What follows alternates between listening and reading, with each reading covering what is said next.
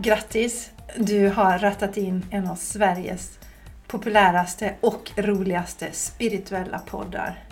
Och vi som har den här podden, det är jag, Jenny Larsson, och min underbara soulsyster Jessica Isegran, som dessutom är en av Sveriges bästa, mest fantastiska intuitiva coacher. Och Jenny Larsson, denna Queen, är alltså certifierad i Dolores Cannons fantastiska hypnosmetod QHHT.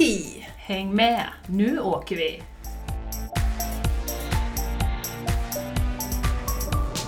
Hallå alla darlingar och varmt välkommen till ett hett nytt avsnitt. Idag ska vi prata om något totalt oväntat här. Men jag ska inte avslöja ännu vad det handlar om. För då kanske ni stänger av podden och det vill vi inte ännu. För det här är så himla spännande. Jag som sitter och tjatar här nu heter Jessica Isegran. Och med mig idag har jag den fantastiska Underbara, magnifika Jenny Larsson från Borås. Varmt välkommen till din podd Jenny! Tack Jessica, det känns jätteroligt att vara här idag. Vi har ju kommit upp i över 250 avsnitt, kommer vi på här nu. Är, Eller hur? Det är otroligt. det, det är otroligt. Mm. Grattis Du, till oss. du, det börjar närma sig att fira tusen avsnitt. Ja, det är bara några år till, sen är vi Det där. var några år till. Fyrsiffrigt. Mm. Helt, helt insane. Helt Nu, insane. nu flög min eh, mikrofon här, landade lite här men oj, nu har jag rättat till den.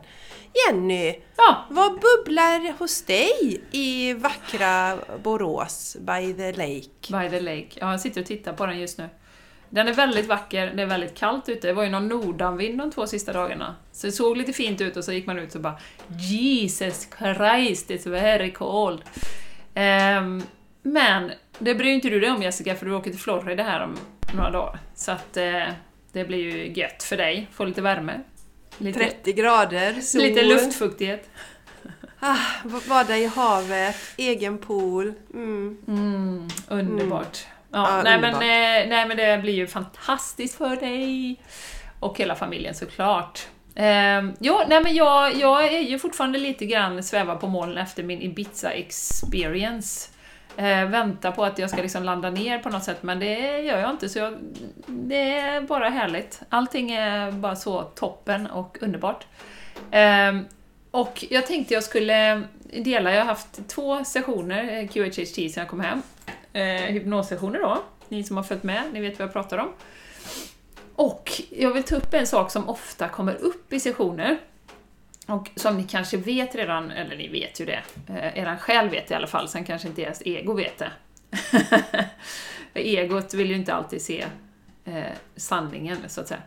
Eh, men det kom upp i en session som jag hade i fredags att man kan ju, det, man kan ju vara på ett ställe i livet, givetvis, eh, för att... Eh, eller man är på ett ställe i livet och det känns väldigt turbulent. Det är mycket som händer, det är kaos, det är liksom bara så intensivt liksom på alla fronter. Och eh, till slut är man såhär, bara, men herregud, kan jag inte bara komma ur det här liksom? Och det som är med det då, är ju att vi är ju här för att uppleva saker i kroppen, annars hade vi inte hoppat ner. Vi ska uppleva känslor, vi ska uppleva olika erfarenheter som man inte kan göra när man bara är ljus och energi. Då svävar man ju runt där i blisset på andra sidan. Liksom.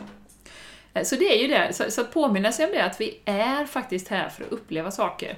Och den här tjejen jag hade i fredags också då, var lite på den platsen och eh, jag och vi frågar ju då givetvis det högre jaget, vad, vad är det här liksom? Vad, den här turbulensen och så som det är nu. Och då säger ju det högre jaget klart och tydligt, och det är ju det som ofta kommer igenom och som jag vill påminna dig om som lyssnar nu då, att eh, det finns en plan. det finns en plan. Du är alltid på exakt rätt ställe. Eh, och många av Alltså jag tycker ibland, vi, vi har ju pratat om det tidigare Jessica, vi, vi hamnar ibland i det här syf, liksom syftet, life purpose liksom, och det, ska, det är väldigt... Eh, Man vill gärna ha det grandiost och hö högtravande liksom, att oh, jag är här för att vara en magnifik healer och rädda hela världen. Så. Det vill vi ju gärna, eller egot vill ju det gärna.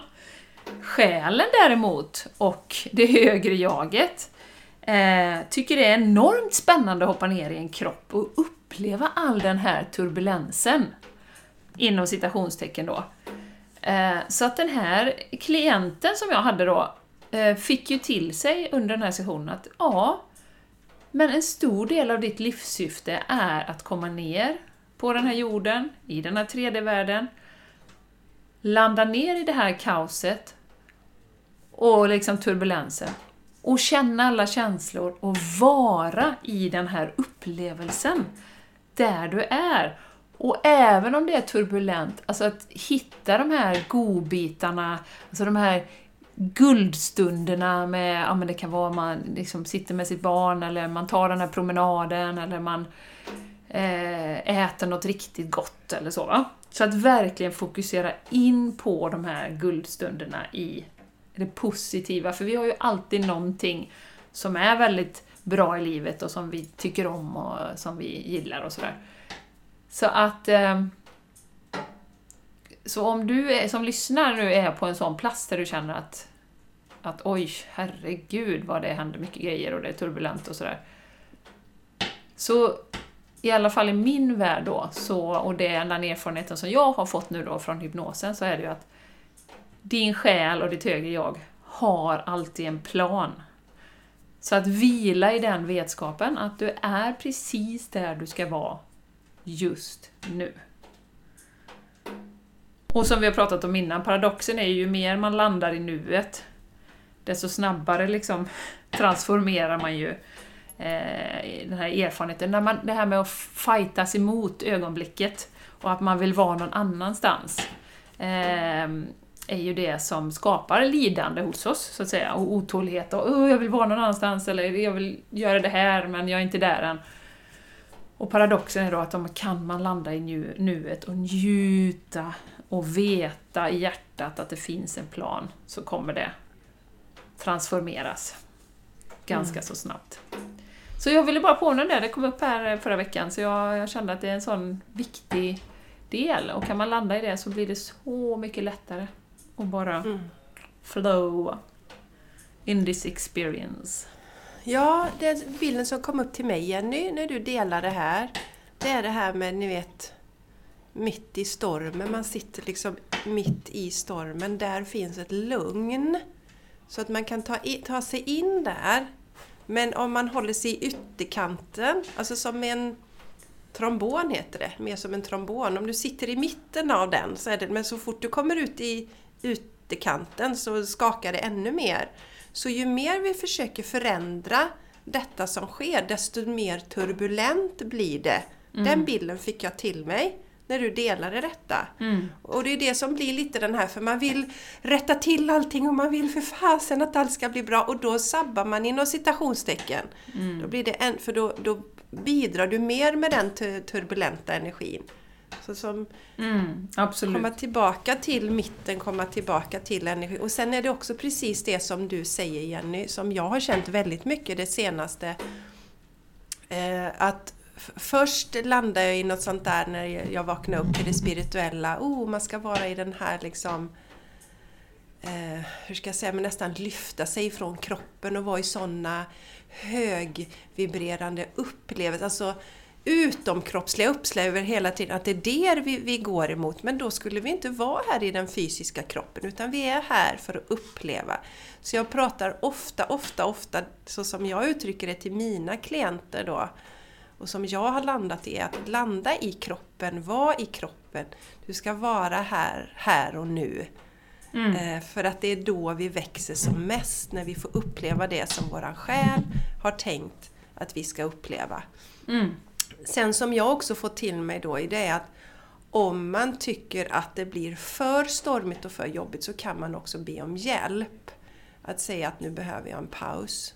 För det lyssnar de på. Då kan de stilla stormen en stund. Men våran själ, precis som du säger Jenny, vet ju vad vi är här för och vad vi behöver för att växa mm. i det här livet. Men, men vi kan få pauser också om vi tycker att det är för mycket som Mm. händer. Men jag tror att det kan vara en kamp i det där när vi har en bild som förekommer kanske lite inom det spirituella, att man ska vara i någon sorts nästan utomkroppslig high vibe. Men det Bliss. Bliss, ja. Ja, men, men utmaningen som jag ser det och som är det största växandet, det är ju att vara i bliss i det som sker. Precis som du delar det här nu Jenny. Mm. Och sen, och sen kan det ju hjälpa också, och, och jag tänker på det här med, som Abraham Hicks och, och de ofta pratar om, det är ju det här med kontrasterna. Eh, och det har vi pratat om också Jessica. Att eh, det är ju kontraster som gör livet. Hade vi bara flyttit med, och det är ju lite som att vara på andra sidan, man, man eh, svävar runt där i bliss. Ja, det är härligt, men till slut blir det ganska långtråkigt. Så att det är ju kontrasterna, jag menar utan mörker så kan det inte finnas ljus, för då skulle du inte veta att det var ljus. Om allting var ljus hela tiden, så skulle du inte veta det. Eh, Så det tycker jag också är, det är fint att tänka på det, att det är, det är ju kontrasterna som gör att, att livet blir så underbart Mm. också. Och det är ju en stor del av att vara här och uppleva olika saker och uppleva, gå igenom olika saker och få känna på det och vara riktigt ledsen och vara riktigt sorgsen och, och vara riktigt förbannad och vad det nu kan vara. Mm. Mm, precis. Ja, men det var jättebra delning, Jenny. Verkligen. Ja, men du, Darlingen, Ja, det som, du få dela lite? ja, det som bubblar hos mig är ju faktiskt att vi ska åka iväg till Florida nu då. Härligt! Ja, och sen, sen en dokumentär som jag har tittat på som vi ska prata om, Jenny, sen. Eh, Vi ska djupdyka lite i mer. Eh, Mm. Men ehm, Florida, och, och där tycker jag också är lite här, men det är nog lite så som jag är numera, ännu mer att jag ehm, Alltså det ska bli fantastiskt härligt att åka men jag är liksom inte superexalterad över det. Utan jag är, liksom, jag är mer här nu. Och sen vet jag att vi har en eh, ganska eh, lång flygresa dit. Vi har många byten och då tänker jag att då tar jag liksom varje flygstopp ett i taget. Mm. Eh, och förr hade det... Oh, men gud vad jobbigt det ska bli att flyga så långt. Och fy, alltså jag tycker inte det är roligt men, men förr hade jag ju gjort det till en mycket större grej. Ja. Och ältat det, tror jag. Mm, mm. Och det ska bli så jobbigt med flygandet och jag hatar flygandet. Liksom. Men, va, men jag vet att jag kommer beta av det. Varje liten del i det då. Ehm, så att, men jag går och småputtrar lite här nu och eh, det känns lite nästan lite overkligt att resa från det här som har blivit kall frost nu till solen och värmen. Ja. Men jag ser ju verkligen fram emot att få tanka den, det vet ju du Jenny som har varit i solenergin nu och Mm. värmen. ja, Att få tanka och fylla på den in energin det gör väldigt inför, mycket. Mm. ja, inför eh, vintern. Och sen så tycker jag känns extra speciellt, det här är lite roligt för att som jag delat tidigare så, så eh, friade ju Mattias till mig den 10 oktober. Och jag har alltid tyckt att, och tycker fortfarande att det, just det datumet är så speciellt. För det var så romantiskt, jag hade ingen aning, jag sa att jag aldrig mer skulle gifta mig och sådär. Så att det var, men det var så otippat och det var också så, ja, men så kärleksfullt på något vis. Ja, jag älskar hela grejen med den delen. Och så var det ju så att vi hade ju bestämt att vi skulle åka till Florida två veckor senare med, med mina söner och med Mattias föräldrar. Och så kläckte jag idén då, för jag vill inte ha ett stort bröllop. Kan vi inte gifta oss i Florida? Liksom. Och, och, och Mattias bara, ja vad fasen, ja det är en jättebra idé. Och så eh, fick vi styra upp med papper och fixa ringar och sånt. Ringarna blev ju inte helt färdiga på, på två veckor och sådär. Men ni vet, jag tror vi fick in datum och sådär. Men, eh, eller nej, vi hade nog inte datum klart. För det som hände sen var ju att vi måste ju hitta någon som kan viga oss. Det måste man ha också då. Och varken Mattias eller jag är ju kristna eller med i kyrkan, så att säga. Eh, men då var det ju så att vi skulle vara hemma hos Mattias eh, farbror och eh, han bor precis vid vattnet. Så att det skulle kännas fint att gifta sig i hans trädgård. Det skulle kännas jättefint då. Och då som många i USA, de har ju sin pastor, de har sin kyrka de går till. Så han sa, men jag kollar med min, våran pastor, jo men han kan, han kan ta hand om er den 29 oktober så här. Ja men då tar vi det!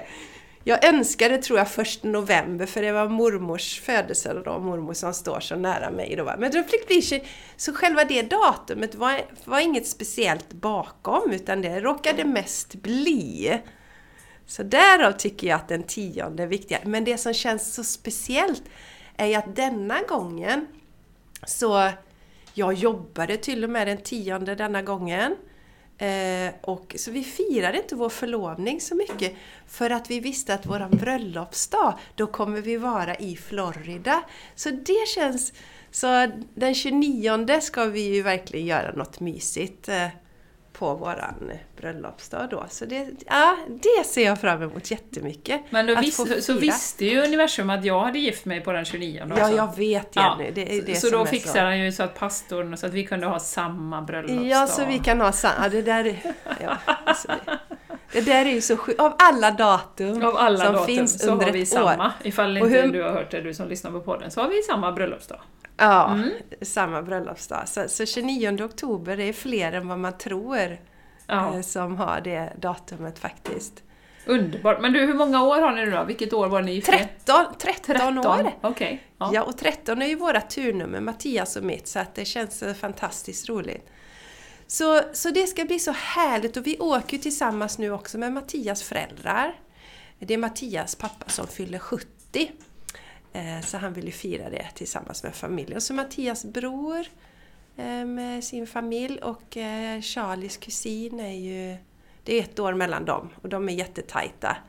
Ja, han, den stora kusinen, han har en liten kusin också, men de två har ju gått på samma dagmamma och sådär så att det känns jätteroligt och så har ju Charlie blivit en riktig fisk i vattnet nu. Eh, så han ser fram emot det. Så vi ska bo i ett stort hus tillsammans allihopa. Så det är liksom nästan lite overkligt mysigt, det är det verkligen. Ja, jag förstår det. Jag förstår ja. det. Gud vad härligt. Ja, det kommer ju bli fantastiskt. Ja, så att jag... Ja, men du vet, och sen är det, vi ska till ett ställe som heter Cape Coral, har jag aldrig varit, men det är tydligen väldigt, fin, väldigt fina stränder och så där. Ja. Eh, sånt där riktigt... Eh, vad heter det? Nu kommer jag, vad heter det? Min svägerska säkert skratta åt mig för jag har inte jättebra koll men ja, i alla fall väldigt vackra stränder och vackert hav och så där. Så dit ska vi åka. Så det, det känns superbra. Vi ska bara vara och eh, jag kommer jobba lite grann när jag är där. För jag vill inte bara stänga ner businessen. Men vi spelar ju inte in någon podd eller så när jag är där utan det har vi buffrat. Yes. Bland annat detta avsnittet nu. Så yeah. när ni lyssnar på detta, då är ju jag i Florida. Ja. Och njuter. Underbart. Så naturligtvis, så att eh, helgen som kommer nu, det kommer bli lite packning och så. Styra upp allting. Så inför resan. Men det känns jättebra. De stora killarna följer inte med denna gången. För eh, mellangrabben, han höll på att söka jobb i vevan. Så han ville ju inte säga det första han gjorde, att jag ska vara borta i två veckor. Och vi har frågat honom, har du ångrat dig? Nej, men det känns jättebra att vara igång med jobbet och så nu. Ja, så han är härligt. så nöjd. Härligt. Och den äldste killen, han är så här, nej men jag gillar inte långa flygresor. Det är typ nej. nej. Så han tycker inte det är värt det. Så det blir vi. Perfekt. Det blir vi. Underbart. Och det blir, ja, det blir superbra. Så, så ja men gud, jag, jag ska bara njutas, eh, fylla på med god energi. Och, och nu tror jag också att de har mycket mer eh, veganska alternativ än när vi var i jag vet när vi var där när Charlie, alltså när vi var där första gången, Mattias och jag, när vi gifte oss, så hade vi precis börjat med att, eh, du vet, inte äta, eller att äta växtbaserat, men när det var högtider och vi var bortbjudna och så, så åt vi det som bjöds. Ja. Och Mattias farbror, det var ju mycket kött och så, så ville man inte vara fånig. Så Bekväm, vi, vi, obekväm. vi blev så dåliga i magen Oh. kött. Ja, vi blev så dåliga Bara tack för köttet, nu ska jag gå på toa. Så det var sista gången vi åt kött på det sättet Åh, faktiskt, när vi, var, eh, när vi gifte oss. Sen när vi var där så var vi i Orlando några år senare, då var ju Charlie två år eller något sånt där, så 2016 någonting. Eh, då, ehm, eh, då, var det, då fanns det inte mycket veganskt. Eh, det var svårt att hitta. Men nu tror jag att det, de har kommit. Och när vi var i Miami, Jenny du var ju också i Miami. Ja, herregud. Det var inga Där- problem. Nej, det var ju inga problem alls. Det fanns ju mycket gott som helst. Men nu, nu tror jag att det finns bättre då, eh, mat eh, för oss också. Så det känns, allt känns superbra. Härligt. Men Mm. det som har hänt mer då, det är att vi passade på att vara lite sjuka här nu då innan vi ska åka. Ja. Mattias först ut och sen jag och Charlie han tyckte en dag räckte. För oss vuxna tog det liksom fyra dagar alltid att han var dålig en dag och sen superpigg. Okej, som en studsboll.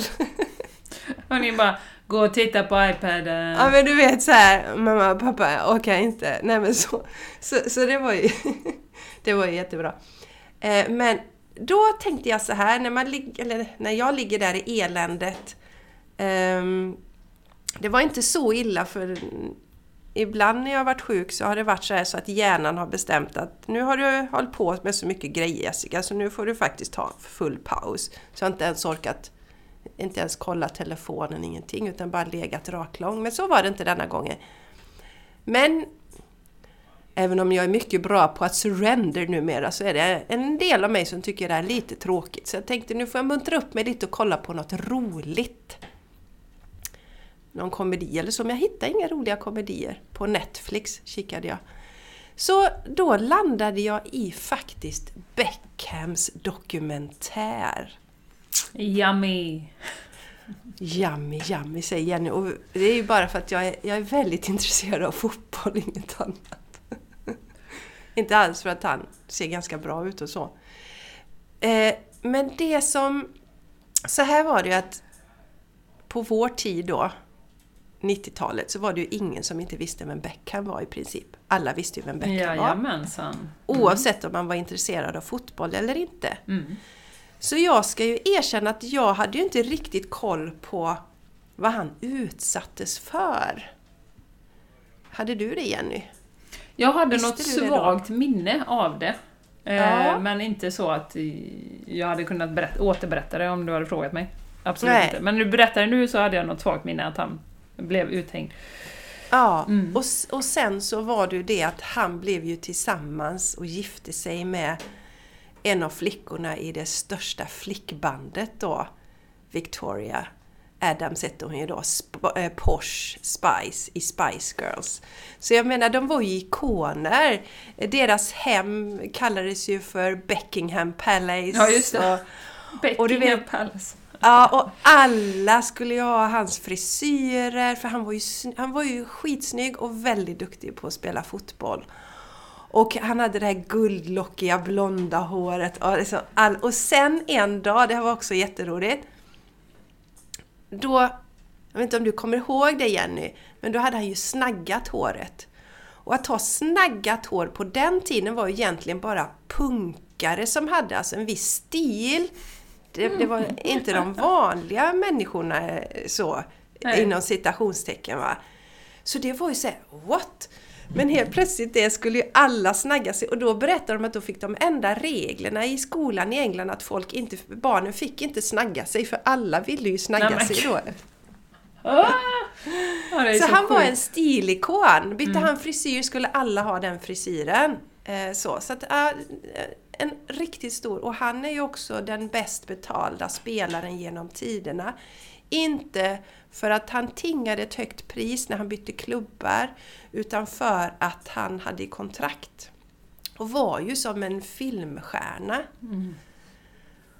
Och eh, d- det var ju helt galet. Men det som är så fascinerande med den här storyn då, det är ju att han började ju spela i Manchester United som var hans eh, drömteam, lag att spela i. Det var hans pappas drömlag.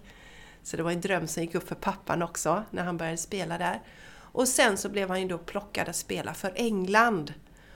Och så skulle de spela mot Argentina och det finns ju tydligen ett, ett hat mellan Argentina och England. Argentina tog ju Falklandsöarna från Argentina. Eh, England tog Falklandsöarna från Argentina bland annat. Så, och det är mycket hetta däremellan. Så att det, var, det var tufft när de skulle mötas.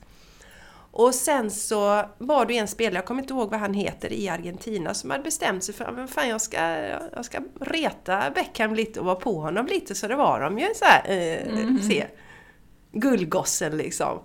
Hur det går för honom. Och till slut så blir ju Beckham så förbannad så han kickar till den här killen då. Och då får han rött kort. Blir utvisad, får inte spela resten av matchen. Så de spelar med en person kort.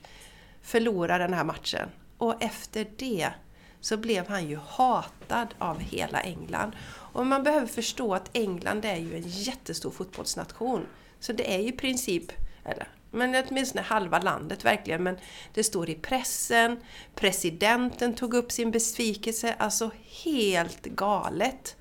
Eh, vilket, och han, eh, det är ju en dokumentär då, så de intervjuar ju hans lagkompisar, så jättefina killar. Och det gick ju inte ens gå på puben utan att folk spottade efter honom. och Um, det kom ju, de skickade, liksom, det kom mordhot, de skickade pistolkulor till honom. Alltså, Herregud alltså. Fruktansvärt vidrigt. Mm. Och till och med var det någon som hängde upp utanför någon byggnad en docka med en Beckham-tröja som var hängd. Ja, det är ju sjukt. Alltså. Som publicerades som bild i tidningen då.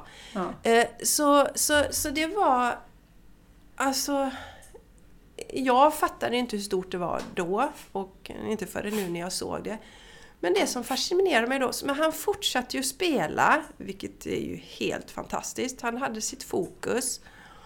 Och sen så var det så, tror jag, vid något tillfälle när de började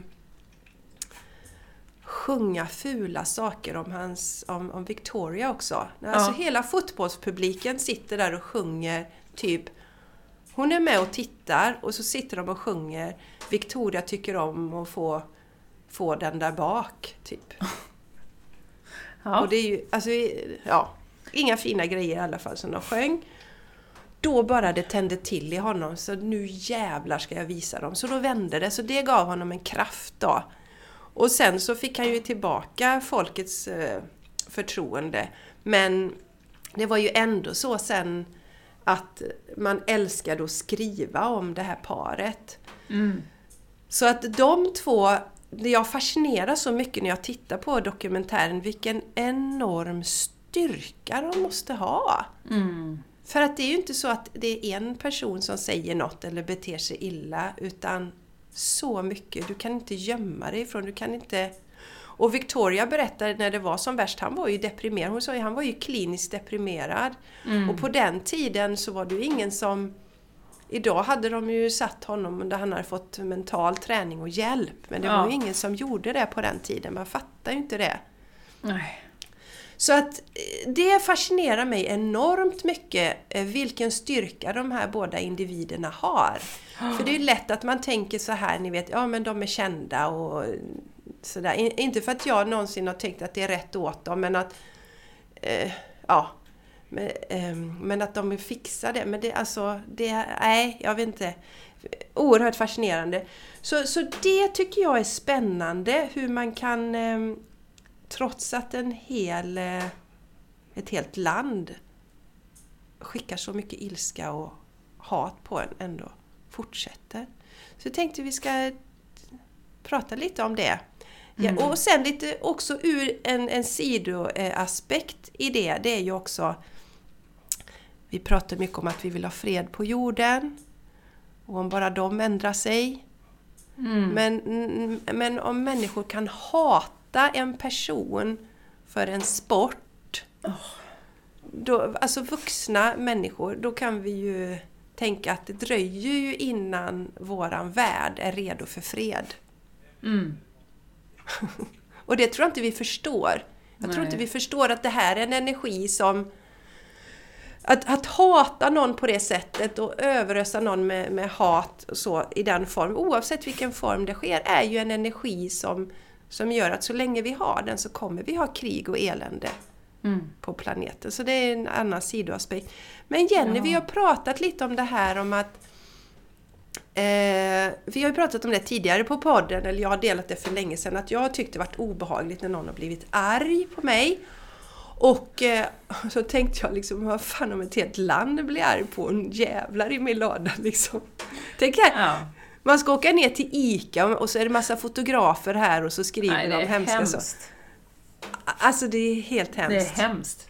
Ja. Men, men du Jenny Darling, du har ju haft eh, eh, en liten annan syn eller reflektion eller hur du har sett på det här när någon har blivit arg på dig.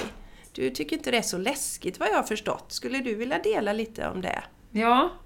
Vad du tänker Nej, men, nej, men vi, och och det, det kopplar ju också samman med triggers. Alltså, det tycker jag är intressant också för dig som lyssnar. Att, alltså, triggers är ju verkligen en, en eh, vad ska man säga, en red flag till okej, här är någonting som jag behöver titta på. Eller behöver, det väljer man ju själv. Men varför blir man triggad av olika saker? Och där kan jag ju bara gå till mig själv för tio år sedan. Liksom, var ju miljoner saker som triggade mig. Liksom.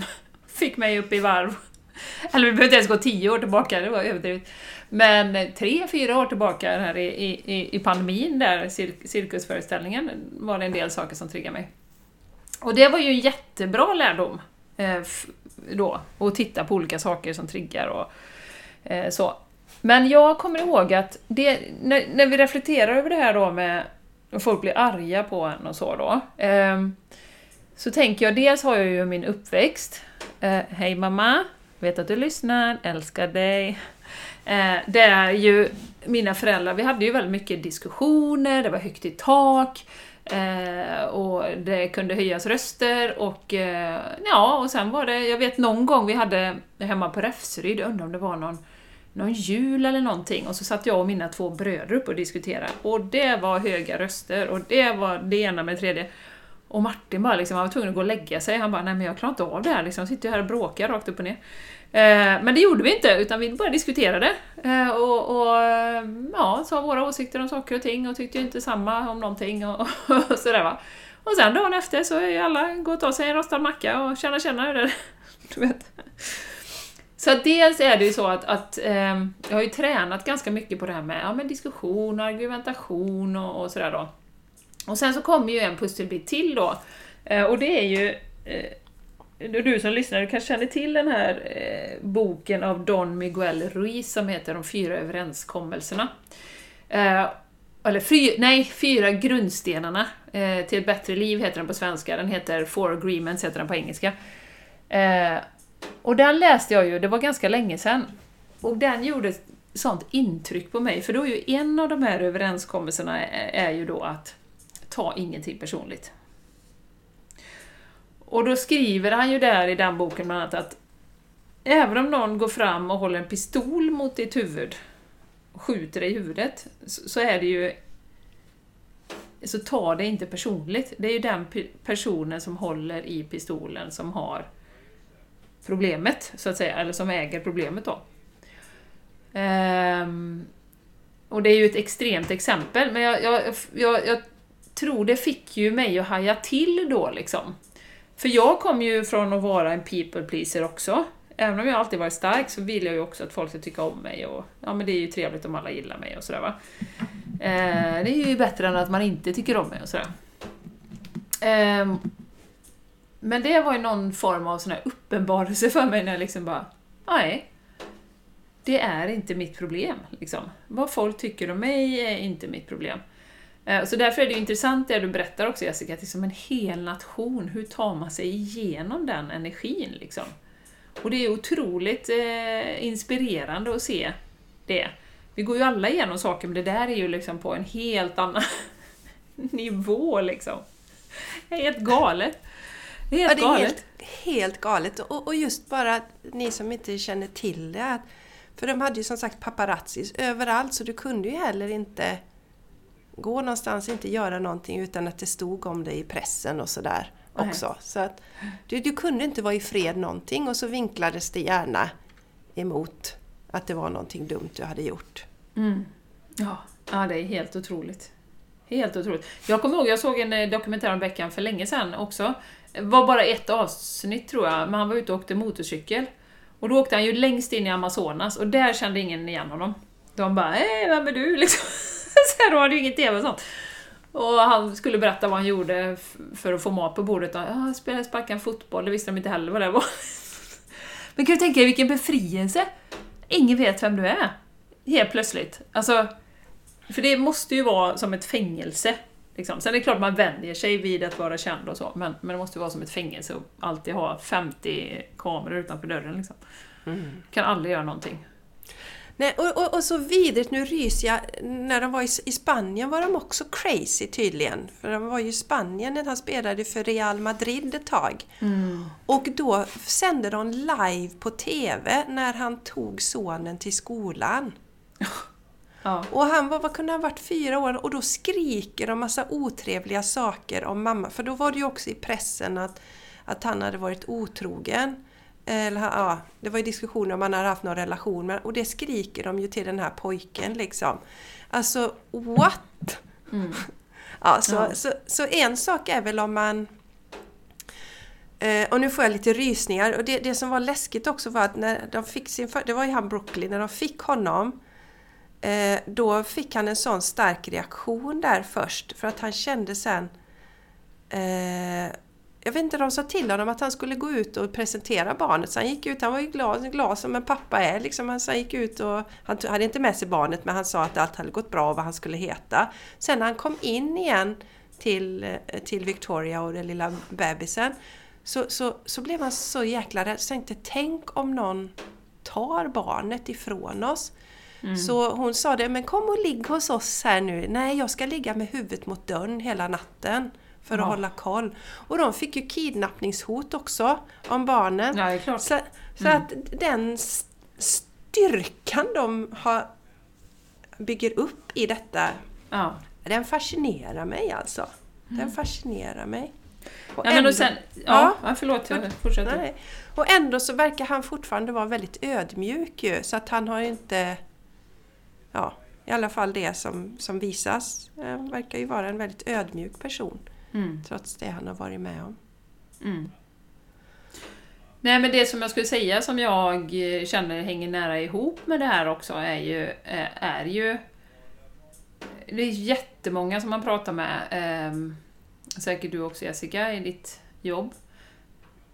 Man säger så här, ja men ta ingenting personligt. Det är lätt att säga liksom. det är jättelätt att säga det. Testa en gång. Ta ingenting personligt. Eh, men det handlar ju om på något sätt, alltså enda sättet att förändra det, i min värld i alla fall, är ju att bygga upp sin egen styrka inifrån.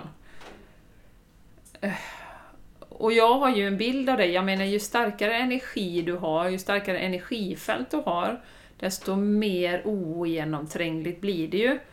Och sådana saker som försvagar energifältet det är ju till exempel Ja, men att tänka att man inte duger till, att man inte är tillräcklig, eh, Eh, eller man tvivlar på sig själv och sånt. Och då är man ju mycket mer mottaglig för det ska läcka in andras energi och att det kommer in i energifältet då.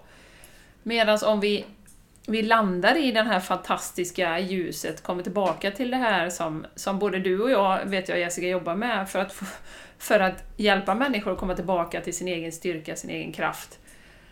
Och man stärker det, då ser jag ju som det är ju som en energibubbla, som det, den blir ju ogenomtränglig. Om du tror på dig själv, om du känner att fasen jag är gudomlig, jag är liksom perfekt precis som jag är. Visst, vi gör misstag i det här livet, så är det ju. Men det gör ju alla. Alltså, alla, vi, det är därför vi är här, för att lära oss och, och också inte hänga fast vid det. Liksom, misstag, ja alla gör misstag. Nu gjorde jag en grej här, jag ska, kanske skulle gjort det på ett annat sätt, men okej, jag lärde mig det här och det här. Skaka bort det liksom, istället för att integrera det i, i, i sig och tycka att man är dålig för att man gör någonting. Liksom. Så att det kommer ju återigen tillbaka i min värld för att stärka sig själv och inifrån stärka si, sina eh, belief systems, alltså det som man tror på om sig själv. Och, och verkligen bygga styrkan inifrån. För gör man det, då har du mycket lättare att kunna skjuta iväg saker som, som kommer. Mm. Givetvis. Sen är vi inte perfekta, det är vi ju inte. Vi, vi, vi är ju här för att lära oss, så att... Eh, ehm, det är ju ändå, men det är ju en resa vi gör liksom. Ja, men det är en viktig del, du, du säger det Jenny, alltså att ju mer vi tycker om oss själva, ehm, desto desto... Hur ska man säga? Jag vet inte om det var, var i den dokumentären jag hörde det eller om det var någon annanstans. Det verkar vara en källa till kunskap den Det, här det är en dokumentären. källa till mycket nu. Men jag kan ha hört det någon annanstans. Men det var ju... Tappade jag bort det nu? Jo, nej men så länge, jo, nej det var, så länge vi äger, ja, spelar ingen roll vart jag men så länge vi äger någonting i oss själva, nej det var faktiskt någon annanstans, så länge jag äger någonting inom mig själv så kan ingen annan komma åt det. Nej. Som till exempel, jag vet ju att jag kanske då är lite mindre ordningsam än min man. Även om jag nu har shapat upp det, för jag tycker själv om när det är ordning. Mm. Men om jag inte äger det i mig själv och skäms lite över det, så om min man då skulle säga till mig Fan vad du är stökig, vad du är stökig jämt.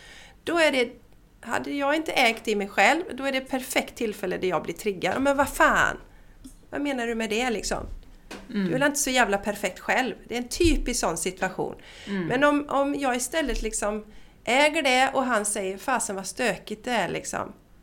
Ja, men liksom, ja, jag är, är lite stökig och det är okej och jag är okej med det. Mm. Så så länge vi äger de här sakerna inom oss själva, precis som du säger Jenny, vi är inte perfekta inom citationstecken. På ett sätt är vi ju perfekta, för vi Ja. har den sammansättningen vi ska ha. Men vi anser ju att vissa saker är bättre än sämre. Som till exempel, det anses ju att vara bättre att vara ordningsam än stökig. Men att vara pedant anses inte som bra. Så ni vet, det är ju sådana här grader Ja. i allting va. Verkligen. Mm. Och då delar man, men så länge man själv äger det, äger det att ja men jag är lite mer stökig än min man och det är okej liksom. Mm. Mm. Då blir jag inte triggad. Men om jag har, lider med det, inte accepterat det hos mig själv, är kritisk mot mig själv och någon då säger det till mig, då blir jag ju triggad sannolikt. Mm. När någon annan säger det. Ja. Ja. Eh, Så. Sen handlar det ju inte om att man ska acceptera eh, om folk håller på och tar ut sin ilska på en i tid och otid. Det är ju ingenting man ska acceptera. Men det är intressant just det här med triggers. Eh, när vi får väldigt kraftiga reaktioner på någonting som någon säger eller skriver. Mm. Då är det en möjlighet att titta i oss själva. Varför blir jag så vansinnigt upprörd över detta? Mm. Vad är det jag behöver titta i hos mig själv? För precis som du säger Jenny, ehm, jag gick också igång på grejer. Sen var jag kanske inte riktigt som du, att jag gick i clinch med folk eftersom jag inte riktigt tyckte om att ha sådana diskussioner. Men jag kunde ju bli upprörd och gå och muttra för mig själv eller Ja. typ föreställa mig att jag skrev en insändare. Du vet den typen. Ja. Ja, du vet. Ja, du förstår. Så här, va? Så triggad till tusen kunde jag verkligen bli. Och människor som inte fattar någonting och dum... Ja, men du vet det här va. Som, ja, triggad så. Men det var ju det som var en av de sakerna som vi tyckte båda var så bra med den här cirkusen. Det är ju att vi tvingades att släppa detta beteende. För jag Ja. insåg, den enda som mår dåligt när jag blir upprörd, Mm. eh, arg, hela detta, det är ju jag själv. Mm. För att det är ju, de här känslorna skapas ju i mig. Mm. Så det, det, var, nej, det var den bästa skolan i att släppa triggers. Och också det här med att, som vi har pratat om tidigare Jenny, att det var så svårt när någon annan hade en annan åsikt. Det har Ja. jag inga problem med alls längre. Nej. Utan Nej, alla får ha sin, sin egen åsikt. Och jag försöker inte omvända någon som inte tycker som jag. För Nej. jag vill inte att någon ska omvända mig som, in, som inte tycker som jag heller. Nej, precis. Så, Precis. att, så, så, så det var en fin lärotid. Ja, verkligen. Det var en fin lärotid. För nu, även när, om, nu när vi sitter tillbaka på det så var det en Ja. väldigt fin lärotid. det var inte roligt när vi var i det. För att den enklaste lösningen är ju att projicera sin reaktion. Ta ut den på den som sa det. Och det är den enklaste lösningen för då behöver man inte titta på sig själv. Nej, Men det är precis. också den lösningen som faktiskt skadar oss själva mest. Ja. Och Ja, och, och, och vad är det som gör då, det man kan fråga sig vad, vad är det som gör att jag inte bara kan rycka på axlarna och säga okej, det här är den personens åsikt, det här har ingenting med mig att göra. Eh, Alla personer får ha sina egna åsikter eller tankar, alla har olika erfarenheter, vi kommer alla från olika håll. Eh, och som vi har sagt många gånger, jaha vad intressant, tycker du så? Alltså om man kunde ha den reaktionen då istället för att bli Yes. triggad. Eh, så för som sagt, triggers är ju när det triggar en emotionell reaktion. Och det var ju som vi pratade om lite här innan Jessica, och, och nu när jag jobbar väldigt mycket med, med tidigare liv också, det är inte säkert att det kommer från det här livet. Eh, det kan ju vara saker som kommer från andra liv, det har jag ju sett massor med gånger nu. Att den energimässiga mönstret, beteendet eller någon situation spiller över energimässigt på det här livet. Ehm, och att då liksom komma till botten med det på något sätt då. Så att, så att, eh, att betrakta det och ställa frågor, och som sagt, vi har ju alla svaren inom oss. Ja, Man kan exakt. sätta sig med penna och papper och fråga ja, varför, varför blir jag så triggad av det här? Ja, precis. För, för, för det är ju så, det är ju inte så att, det är inte så att jag, alltså jag blir mycket, mycket mindre triggad än förr. Alltså det går inte att jämföra. Nej. Men det är klart att jag kan bli triggad ibland. Men jag går inte igång på det utan jag gör precis exakt det. Jag, jag skrattar kärleksfullt åt mig själv. Okej, men varför blev du så triggad av detta nu Jessica? Varför blev du så triggad? Och så, så gör jag en undersökning och så hittar jag och det kan ju vara, antingen kan det vara så att jag är lite trött eller någonting. Och det, är, man kan bli, det finns ju många saker man kan bli triggad av. Man kan till exempel bli triggad av det är någon som alltid verkar glad, men man själv tycker att livet suger lite fett. Jag har, ju den här, ja, jag har ju den här energin i mig att jag... Det är liksom, åh, foten i kläm. Ja, eh, jag har ju den där liksom positiva, den kommer automatiskt i mig. Så att eh, jag spelar inte utan jag har det här i mig. Och jag vet ju, det var någon som sa till mig en gång Jessica fasiken, jag blir, jag blir lite triggad av att du alltid är så glad. Ja, Men hon ja, kunde precis. säga det till mig på ett, på ett så här, det var inget... Jag blir triggad men jag önskar ju att jag också kunde känna så. Hon hade sett det i sig själv. Mm. Ja. Att okej, jag önskar att jag också kunde se något annat. Man kan bli triggad i om man har en relation som är dålig. Som kanske har gått förbi utgångsdatum för länge sedan och så är det någon man ser som delar att de har det så bra i sin relation. Då kommer man bli förbannad över det. Alltså oftast är det ju någonting då som vi inte tycker är bra i vårt eget liv som gör att vi blir triggade. Eh, man, ja, men till exempel om man kör sin business och, och kämpar på och så är det någon annan som gör ungefär samma saker som det verkar gå så jävla bra för inom citationstecken. Mm. Och så blir man triggad över det. Och istället för att ta, det är ju det, att istället för att ta ut det, projicera det på personer man blir triggad över, så vänd tillbaka och se varför blir jag Mm. så triggad över detta? Vad behöver jag förändra? Det är någonting som har varit jättelärorikt för mig. Ja, verkligen. För som sagt, triggad kan jag fortfarande bli av saker men jag projicerar inte det på den personen eller försöker få någon att förändra sig eller önskar att det går dåligt för den eller sådär. Utan bara okej, här är någonting som jag behöver titta på hos mig själv. Mm. Ja. Nej, Hur det- tänker du Jenny? Hur tänker du kring... Men du blir aldrig triggad längre va, av något? Nej men alltså, längre. Eh, nej, det är väl, det är, men jag är ungefär som du Jessica. Eh, som sagt, eh, de här två, tre åren vi hade här var ju väldigt bra skola. Eh, för där blev jag ju triggad personligen nästan dagligen av olika saker.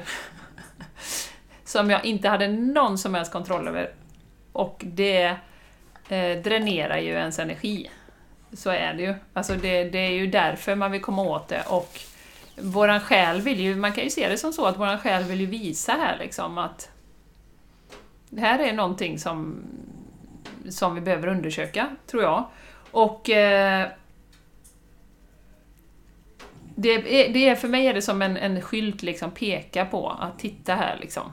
Och, och den processen för mig just då under de två, tre åren var ju bland annat, och det vet jag var samma för dig Jessica, att sluta titta utanför nu. Titta inåt. Sluta titta på skiten som händer utanför. Du kan se det, see and unsee, som vår kära Guru Singh säger, men ta inte in det i ditt system. Det, det kommer dränera dig. Om du ska göra ditt arbete här på jorden, så behöver du fokusera på att leva ett bra liv, du behöver fokusera på ditt eget ljus, stärka dig själv, och liksom fokusera in på de närmaste som du kan assistera i den här processen. Så det var ju det som var så lärorikt under den, eh, den processen. Mm. Mm, verkligen att släppa. För elände finns det ju i världen varje sekund. Ja, ja, det kan man oj. välja att fokusera Absolut. på. Och, och då, skulle jag gjort det, då kunde jag lika gärna lägga mig ner och dra ett täcke Mm. över huvudet och Mm, ge mm, upp liksom. Mm, mm, Kan jag säga. Ja. Och då ger jag inte mycket nytta för världen. Nej, verkligen inte. Verkligen inte.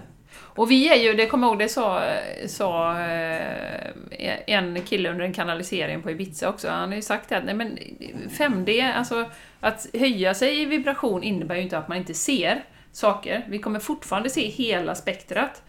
5D innebär att du fokuserar in på all den kärlek som finns, att du fokuserar in på allt ljus som finns och att du liksom gör precis det här som jag sa nu, att skapa ett så bra liv som möjligt, vara i, i, i hjärtat, i ögonblicket. Det, det andra kommer liksom inte försvinna. Men det är vad väljer vi att fokusera in på, det ser vi ju väldigt tydligt nu. Nu är det ju ytterligare en konflikt som har blossat upp här. Eh, och man ser folk lägger flaggor och så liksom på, på Facebook. Eh, och det är självklart, det är jättefint, det, det får de göra. Men, men det är ju, fokuset då går ju eh, till olika eh, delar. Och det är klart, hur mår den personen som verkligen fokuserar in, som marinerar sig i bilderna? Vad jag gör är ju att skicka ljus, kärlek till det området då. Att det här, tänka fred, tänka kärlek, tänka ljus och skicka det. Och det är så otroligt kraftfullt att göra det. Eh, och sen som vi alltid har sagt Jessica, vill man engagera sig om man känner att det är ens uppgift, då ska man givetvis göra det. Man ska inte luta sig tillbaka och liksom bara skita i allting, det är inte det det handlar om. Eh, men det är fokuset är ju så viktigt. Var har vi det? Ja, och det är det som är så viktigt att se, för det pratar vi också om under den här tiden när, när cirkusen var. Vissas uppgift var ju att stå på barrikaderna och väcka andra människor. Mm, mm, Eh, och det är också återigen, vad är min uppgift? Och som jag har ju landat i, min uppgift på, här på jorden just nu är ju att hjälpa andra människor att lyfta sig energimässigt. För jag, som jag ser, som jag sa tidigare, det är ju vi som är...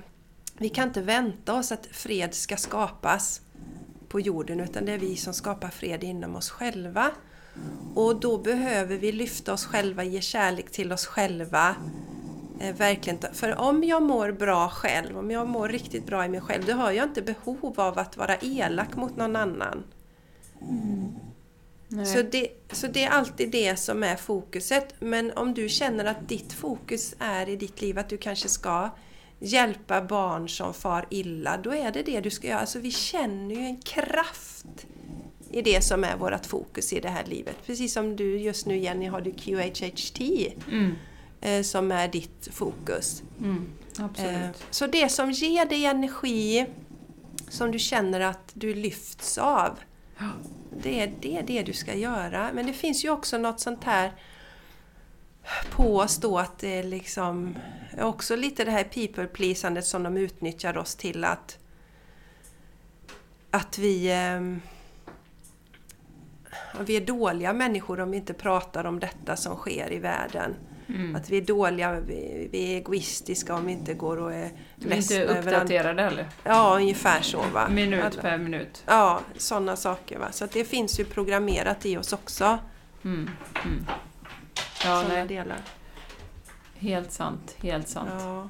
Nej, och det är som jag brukar säga, så länge vi tittar på våld eh, på tv-spel, våld på tv och vi ser det som underhållning. Vi kan inte vänta oss att det blir någon, någon fred. Vi, vi ser det som underhållning. Det är så Ja. oerhört destruktiv energi i det. Mm, det är det. Ehm, och det finns ju liksom krafter bakom det, men, men det är istället för att titta på något som lyfter oss. Så som vanligt Jenny, när vi pratar, vi kommer alltid tillbaka till oss själva. Hur hittar jag balans i mig själv? Hur hittar jag harmoni i mig själv? Peace starts within liksom. Det Ja. är så det är. Eh, Så det är punkt slut Punkt slut. eh, Punkt slut. i våran värld. I våran värld. In our I- universe. I fablernas värld! Ja. Du, du, du, du.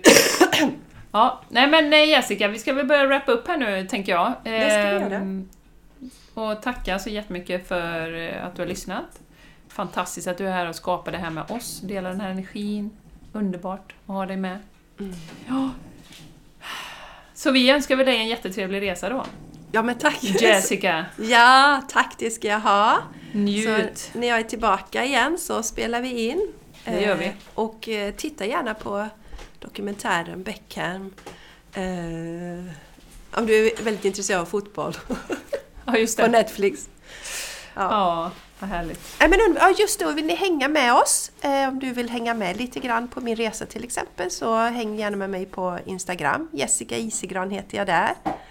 Eh, Jenny finns på Jenny understreck soulplanet. Hang with us. Kommer, det har inte varit så mycket bad, bad. Du hade dragit dig lite för att gå ner i sjön Ja, men det var ju en badbild här häromdagen. Ja, ja det var Jajamän, en. jajamän, Ja. jajamän. Är du tillbaka nu eller? Ja, jag är tillbaka. Nu är tillbaka. Jag är tillbaka. Det blir några bastu och bad i helgen här, tror jag. Ja, det låter härligt. Ja, det tror jag. Och vill ni hänga med oss så har, så har vi ju eh, The Game Changers Podcast heter vi på Instagram. Det gör vi. Ja. Ja. Ja, men vi fick skicka massa kärlek. Puss och kram. Puss och kram! We love you very much. We love you very much. Have a nice day, afternoon, evening. Yes. Goodbye. Bye bye! Hej då!